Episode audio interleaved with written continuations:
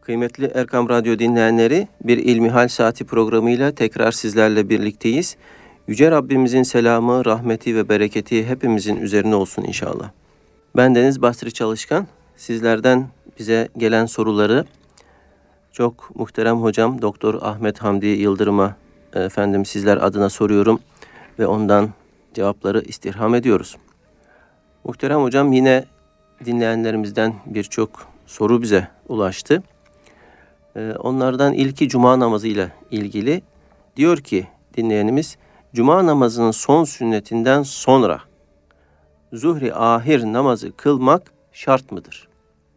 Elhamdülillahi Rabbil alemin ve salatu ve selamu ala Resulina Muhammedin ve ala alihi ve sahbihi ecmain.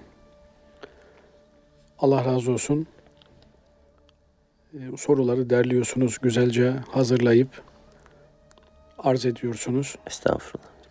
Zuhru ahir meselesi sonradan alimlerimizin ihtiyaten yani her ihtimale binaen olmasında fayda vardır diye kılınmasını tavsiye ettikleri bir namaz. Nedir zuhur ahir namazı? Evet hocam. Zuhri ahir kelimesi ne anlama geliyor? İlk önce bunu Zuhur Arapçada öğle demek. Evet. Öğle namazı için kullanılan bir ifade. Zuhru ahir son öğle demek. Şundan dolayı böyle bir namazın kılınması ihtiyacı ortaya çıkmış. Biliyorsunuz cuma günü cuma namazını öğle namazı vaktinde kılıyoruz. Kıldığımız cuma namazı öğle namazının yerine geçiyor. Evet.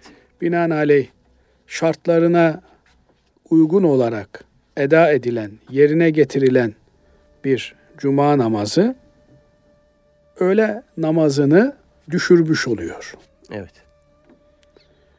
Hatta biliyorsunuz cuma namazı erkeklere farz olan bir namaz. Kadınlar bir şekilde cuma namazına gelmiş olsalar cuma namazını kıldıklarında o günün öğle namazı onların üzerinden sakıt olur, düşer. Düşer, evet. Yani o gün öğle namazını bir daha kılmaya mecbur değillerdir. Kılmazlar o günün öğle namazını. Çünkü cuma namazını kılmışlardır. Cuma namazı eğer şartlarına uygun olarak kılınmış ise öğle namazı da kılınmış demektir. Evet. Dikkat ederseniz üstüne basa basa şartlarına uygun olarak kırılan cuma namazından bahsediyoruz. Nedir cuma namazının şartları? Öncelikle cuma namazı adı üstünde cemaatle kılınması gereken bir namazdır. Evet. Yani cumanın geçerli olabilmesi için cemaat olmalı. Cemaat nedir? Bazı mezheplerde 40 kişiden aşağı olmaması lazım. Cuma kılınacak olan cemaatin. Bazıları üç kişi yeter demişler. Binaenaleyh eğer bir köyde, bir mezrada cuma namazı kılınıyor ise işte imam efendi var, bir de müezzin efendi var. En az üç kişi bulunması lazım diyene göre burada cumanın şartları oluşmuş değildir. Evet. Bazıları 40 diyor. Buna göre 29 kişi olsa, 35 kişi olsa yine Hocam bu bazılarını Cuma'nın, biraz açabilir miyiz? Yani e, mezhepleri söyleyelim ki hani dinleyenlerimizin aklında bir soru işareti kalmasın. Şu açıdan söylemek istiyorum. Bu zuhru ahir meselesi sadece bizim memleketimize ait. Bizim Türkiye coğrafyamızda kılınan bir namaz değil. Mısır'da da, Şam'da da, farklı bölgelerde de bu namaz kılına gelmiş. Evet son dönemlerde bir takım sesler işin mahiyetini bilemediklerinden dolayı itiraz etmekteler. Evet. Şimdi mesela cuma namazının kılınabilmesi için Mezhep dediniz mezhep söyleyelim. Hanefilerde namazın şehirde kılınması gerekir. Köyde, mezrada namaz olmaz. Peki şehir olmanın ölçüsü nedir? Evet. Yani bugün mesela e, bir takım düzenlemeler yapılıyor. Deniyor ki işte nüfusu 2000 kişiden aşağı olan yerler artık e, şu statüden çıkacak vesaire filan. Acaba şehir olmanın standardı, kriteri nüfus mudur? İslam hukuku açısından şehir olmanın kriteri orada yargı teşkilatının bulunmasıdır. Eğer bir yerde yargı teşkilatı varsa orası şehirdir. Hatta Osmanlı'da birçok Arap ülkesinde de öyledir. İlçelere kaza derler. Evet. Ne demek kaza? Kadının bulunduğu yer. Yani kadının, evet. hakimin, yargıcın, adliye teşkilatının bulunduğu yer demektir. Evet. Bir yerin şehir olabilmesi için, kaza olabilmesi için orada adliye teşkilatının bulunması gerekir. Binaenaleyh adliye teşkilatı bulunmayan bir yerde cuma namazı kılınmaz. Cuma namazı İslam dininin bir vecibesi olduğuna göre söz konusu adliye teşkilatı da İslam şeriatını tatbik etmek üzere var olan bir adliye teşkilatı olmak durumundadır.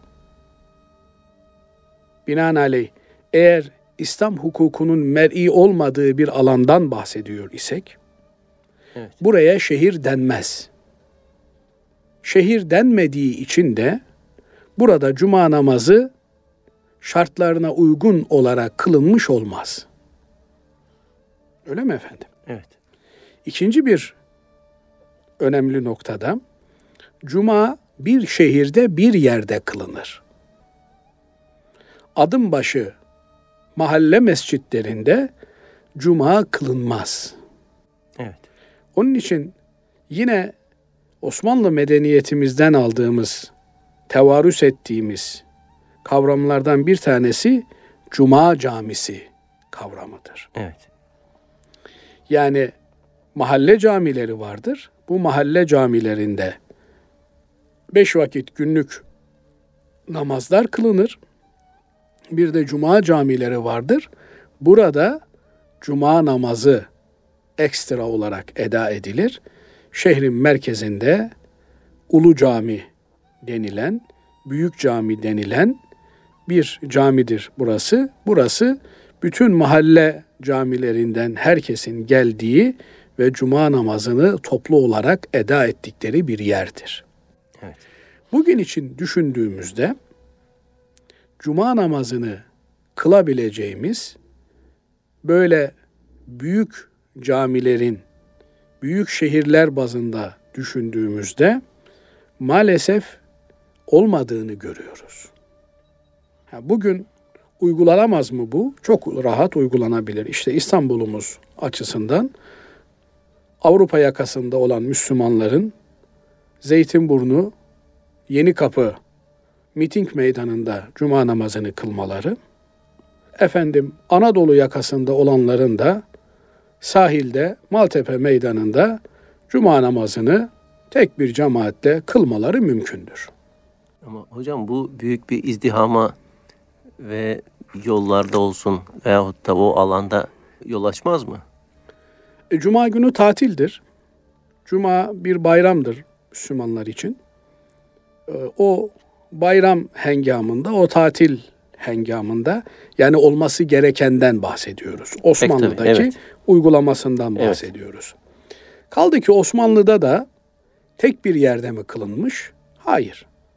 Sultanahmet'te de kılınmış, Süleymaniye'de de kılınmış. Ayasofya'da. Efendim hemen Sultanahmet'in bitişiğinde Ayasofya'da da kılınmış. Evet. İşte bundan dolayı bundan dolayı alimlerimiz demişler ki Cuma'nın şartlarını yerine getirmede problemlerimiz var.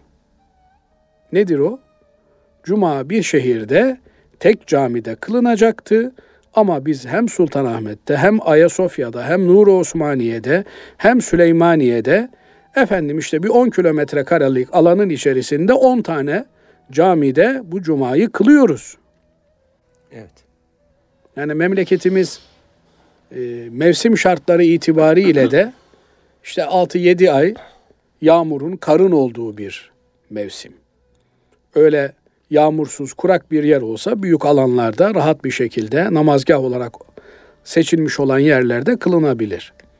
Ama ister istemez işte bir milyon kişinin e, Yeni Kapı Meydanı'na toplandığını düşünün bu kışta kıyamette. Evet. Dediğiniz gibi nasıl namaz kılacaklar vesaire filan. Olmayacak şey değil de e, ama maalesef olamıyor.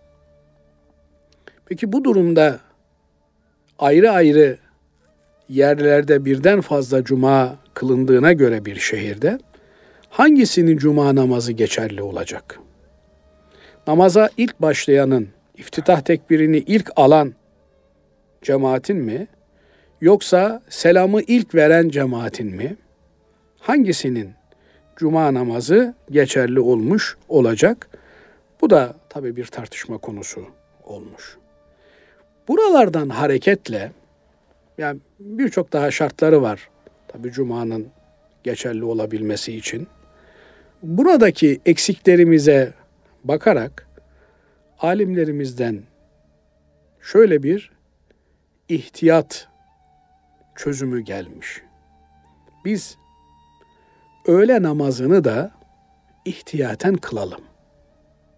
Peki nasıl kılacağız? Cuma namazını kıldıksa öğle namazı üzerimizden düştü.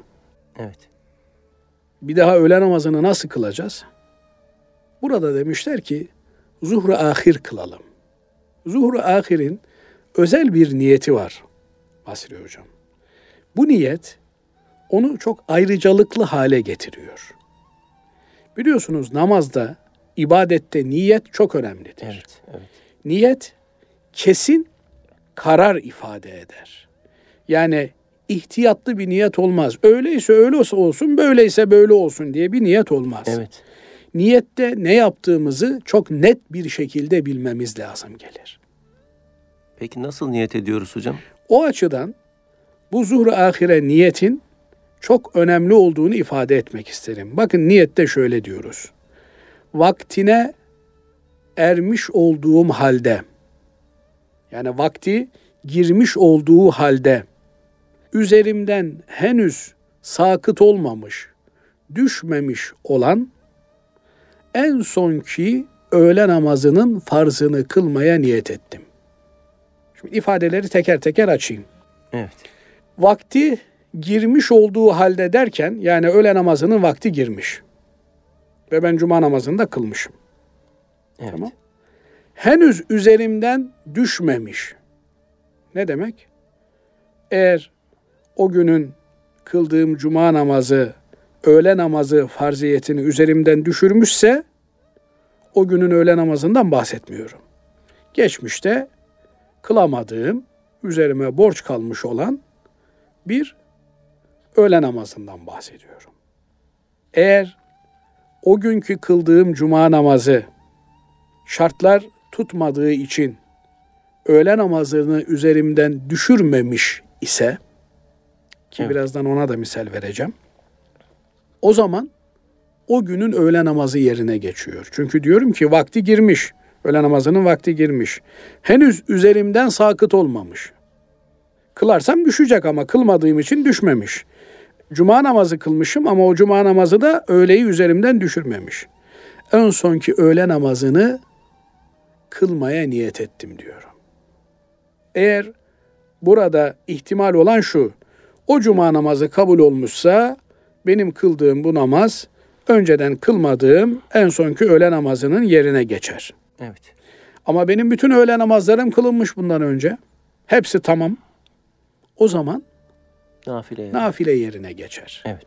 İşte buna binaen de üçüncü ve dördüncü rekatta Fatiha'dan sonra zamm-ı sure okuyoruz. Niye?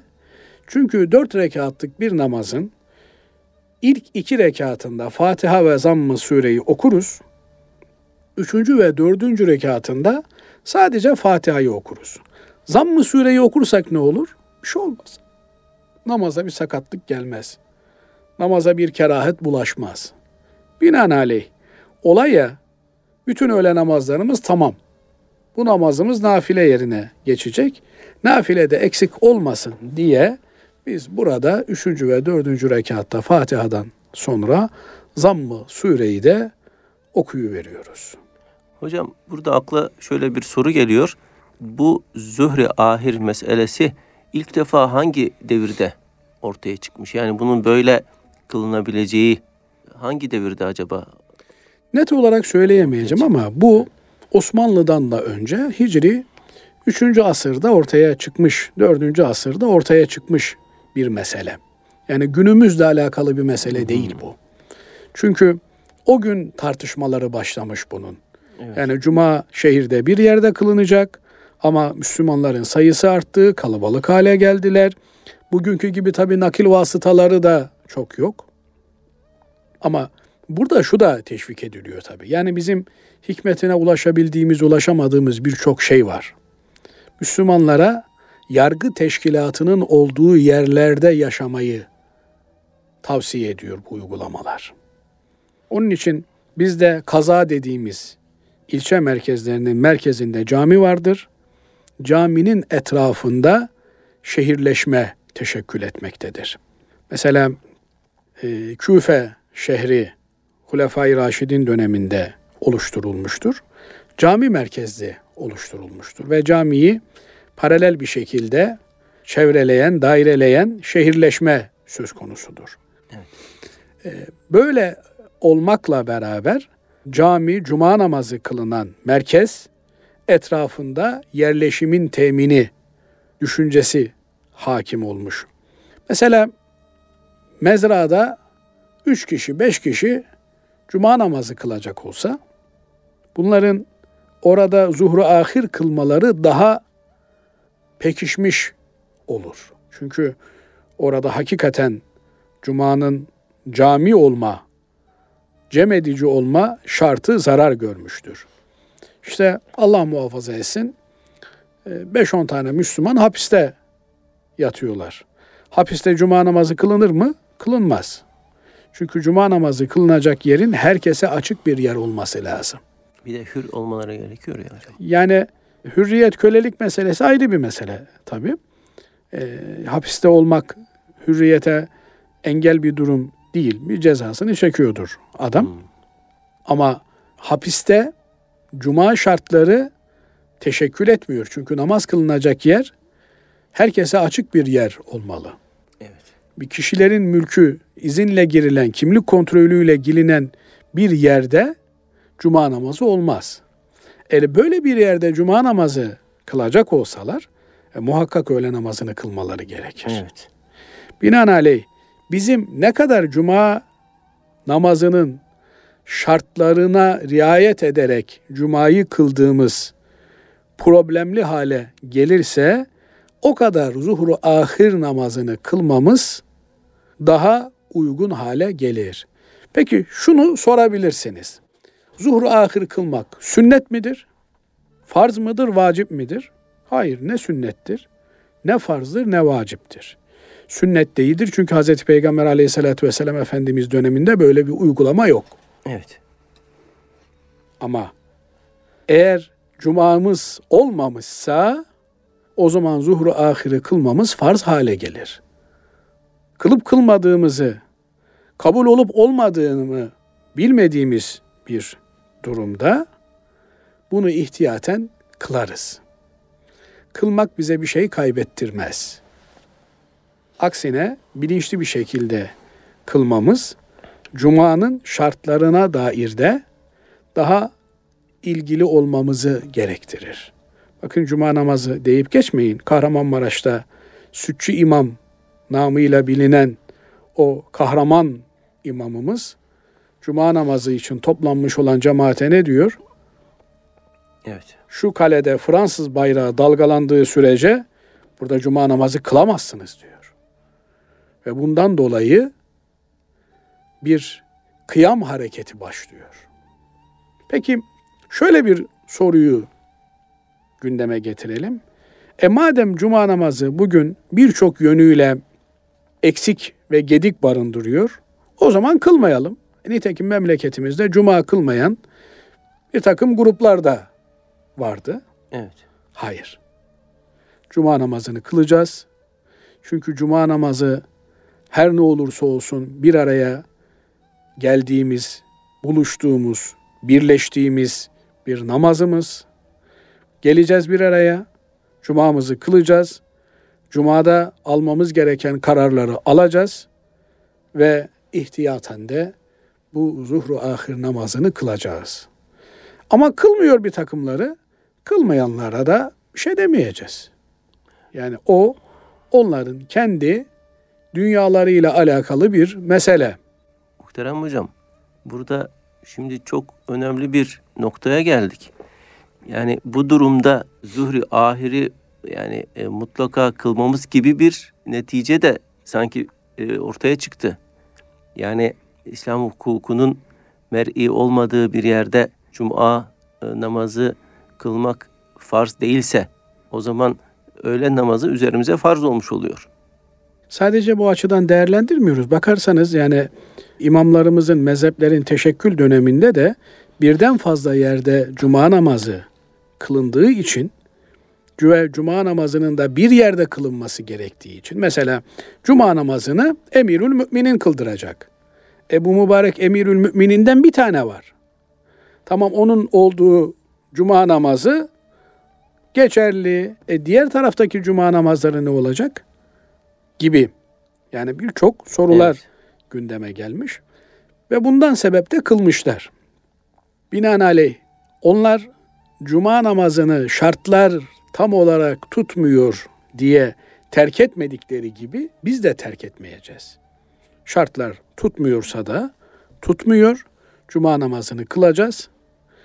Nitekim bu şartlar tabi mezhepler arasında ihtilaflı meseleler. Mesela Maliki mezhebi hutbenin Arapça okunmasını şart koşar. Cuma'nın sahih olabilmesi için. E, Arapça okunmuyor diye ki Osmanlı'da Arapça okunmuştur hutbeler hep. Öyle mi? Tabi Cuma'dan önce vaazlar Türkçe verilmiştir. Hutbeler Arapça okunmuştur. Hmm. Mamafi bugün de hutbenin bir kısmı, bir kısmı Arapça olarak evet. okunmaktadır. Burada şartlar birine göre tutuyor, öbürüne göre tutmuyor. Birinin şart dediğine öbürü şart demiyor vesaire filan. Ama cuma namazı diye bir namaz var. Kur'an-ı Kerim cuma ezanı okunduğunda işinizi gücünüzü bırakın namaza gidin diyor. Evet. Binaenaleyh bu mutlak emirden sebep cuma namazı için ezan okunduğunda işimizi gücümüzü bırakıp cumaya gitmemiz farz. Cumayı kıldık ama sözünü ettiğimiz bir takım endişelerimiz, tereddütlerimiz var. Bunlardan dolayı da zuhra ahir namazını kılıyoruz. Ha biri diyor ki kardeşim ben mutmain oldum. Bu cuma öğle namazının yerine geçer. Zuhra ahiri kılmıyorum. Ne güzel. Ne güzel. Mutmain olmuş. E ben mutmain olamadım kılıyorum. E bana da kimsenin bir şey demeye hakkı yok. Evet. Evet. Allah namazlarımızı kabul eylesin. Amin. Allah razı olsun hocam. Çok güzel oldu elhamdülillah. Değerli hocam e, bir dinleyenimiz şöyle bir soru sormuş cesedi bulunmayan ölülere temsili bir kabir yapılabilir mi? Evet, bunlara kabir demiyorlar, makam diyorlar. Ama bazen bazı zatlarla ilgili birden fazla yerde kabirlerinin olduğu söyleniyor. Mesela Murat Hüdavendigar Hazretleri Kosova Meydan Muharebesi'nde vefat ediyor. Mübarek cismi şerifleri iç organları Kosova'da bir mekana defnediliyor. Orada bir kabri var, iç organlarının bulunduğu. Evet. Bir de cesedi de Bursa'ya getiriliyor. Bursa'da bir kabre defnediliyor. Orada da işte e, bütün azalarının, vücudunun bulunduğu bir kabri var. Bunlardan hangisi gerçek kabri? Elbette azalarının tam olarak bulunduğu kabir onun kabri. Diğeri teberrüken orada bulunan temsili bir makamı ifade ediyor. Bununla beraber bir takım peygamber efendilerimizin de birden fazla yerde işte Yusuf Aleyhisselam'ın Turi Sina'da, efendim Filistin'de, Ürdün'de, şurada, burada farklı yerlerde kabirlerinin olduğu söyleniyor. Bunlardan bir tanesi gerçekte onun kabridir. Mübarek cesetlerinin bulunduğu yer onun kabridir. Diğerleri temsili olarak bazen uğradığı yerler, bazen hatıralarında geçtiği yerler temsili birer kabir olarak değerlendirilmiş. Orada eğer bir kabir bulunmuşsa bu kime ait olabilir diye düşünülmüş. Orada daha fazla hayat geçirmiş olan bir peygambere veya bir Allah dostuna nispet edilmiş. Fakat herhalde kardeşimizin sorduğu soru şu. Bir uçak kazası oldu ve okyanusa bu uçak kazasında bütün yolcular düştüler. Evet. Okyanustan da cesetleri çıkartmak mümkün olmadı. Evet. Binaenaleyh işte babamız, annemiz, bir yakınımız, oğlumuz, evladımız, ciğerparemiz bu uçak kazasında vefat etti. Onu anmak için bir e, boş mezarı onun kabri olarak değerlendirebilir miyiz? Eğer kabir içerisinde bir ceset yoksa kabir anlamı taşımaz tabi. Dolayısıyla böyle bir uygulama da orayı kabir haline getirmez. Kabir ile ilgili olan hükümler orada tahakkuk etmez. Ama ne olur? Biz kendimizi işte e, o mekanla avutmuş oluruz. Doğru bir şey midir bu yaptığımız? Doğru bir şey değildir. Evet, ölülerimizi kabirlere koyarız. O kabirler birer ibret vesilesidir. Birer ibret alma yerleridir. Vaaz ve öğüt verme yerleridir. Zaman zaman o kabirleri ziyaret ederiz. Tabi kabir sahibi olmak, kabire girmek de bir nimet. Nitekim Abese suresinde Cenab-ı Allah insanı yarattığını, yaşattığını, öldürdüğünü ve akbarahu kabre koyduğunu ifade ediyor. Binaenaleyh bir kabir sahibi olabilmek de bir nimettir. E, şu açıdan bir nimettir. E, kabriniz belli olursa insanlar, gelen geçenler e, bir Fatiha-i Şerife okurlar. Ondan istifade etmek mümkün olur. Kabrin üzerindeki otlardan istifade eden hayvanların işte su birikintisinden içen kuşların bile rahmete vesile olması söz konusu olur. Bu yönüyle bir kabir sahibi olmak, hatırlanmak, anılmak ve bu sayede de rahmete mazhar olmak açısından nimet olarak değerlendirilmiş. Geride kalanların psikolojik tatminleri açısından da ölmüş olan yakınlarının, değerli kimselerinin bir kabrinin olması, zaman zaman o kabri ziyaret etmek suretiyle, o kabirde dua etmek suretiyle acılarını hafifletiyor olmaları da bir nimet. Ama takdire razı olmak lazım. Yani eğer böyle bir acı ölümle ölmüşse, o acı ölümlerin de tabi hükmen e, şehitlik mertebesi kazandırdığını bilmemiz gerekiyor.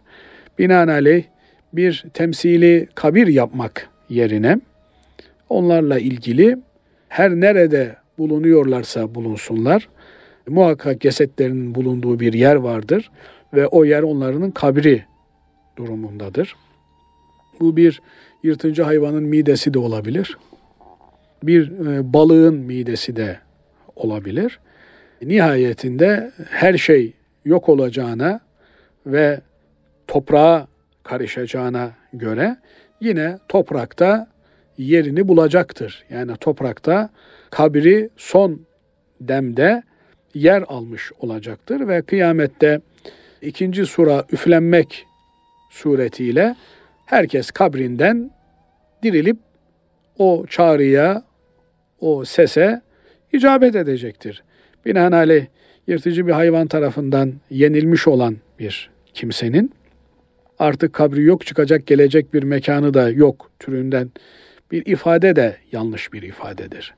Bu yüzden bir boş işle uğraşmak yerine boş bir yere bir levha asmak suretiyle işte burası filanın kabridir demek suretiyle orası filanın kabri olmaz. Bu yönüyle kendimizi kandıracağımıza teselliyi daha fazla ölmüş olanlarımız için hayır hasanat yapmakta aramalıyız. Evet. Evet. Allah razı olsun hocam. Ee, yine diğer bir dinleyicimizden e, şöyle bir soru bize ulaşmış. Alışkanlık haline gelmiş bir günahtan nasıl kurtulabilirim? Tabi Allah muhafaza etsin. Günahın alışkanlık haline gelmesi kötü bir şey. Alışkanlık haline gelen her türlü günah büyük günahtır. Onun için şöyle bir söz söylerler. İstiğfar, bağışlanma talebi olduğu yerde günah büyük de olsa kaybolur gider.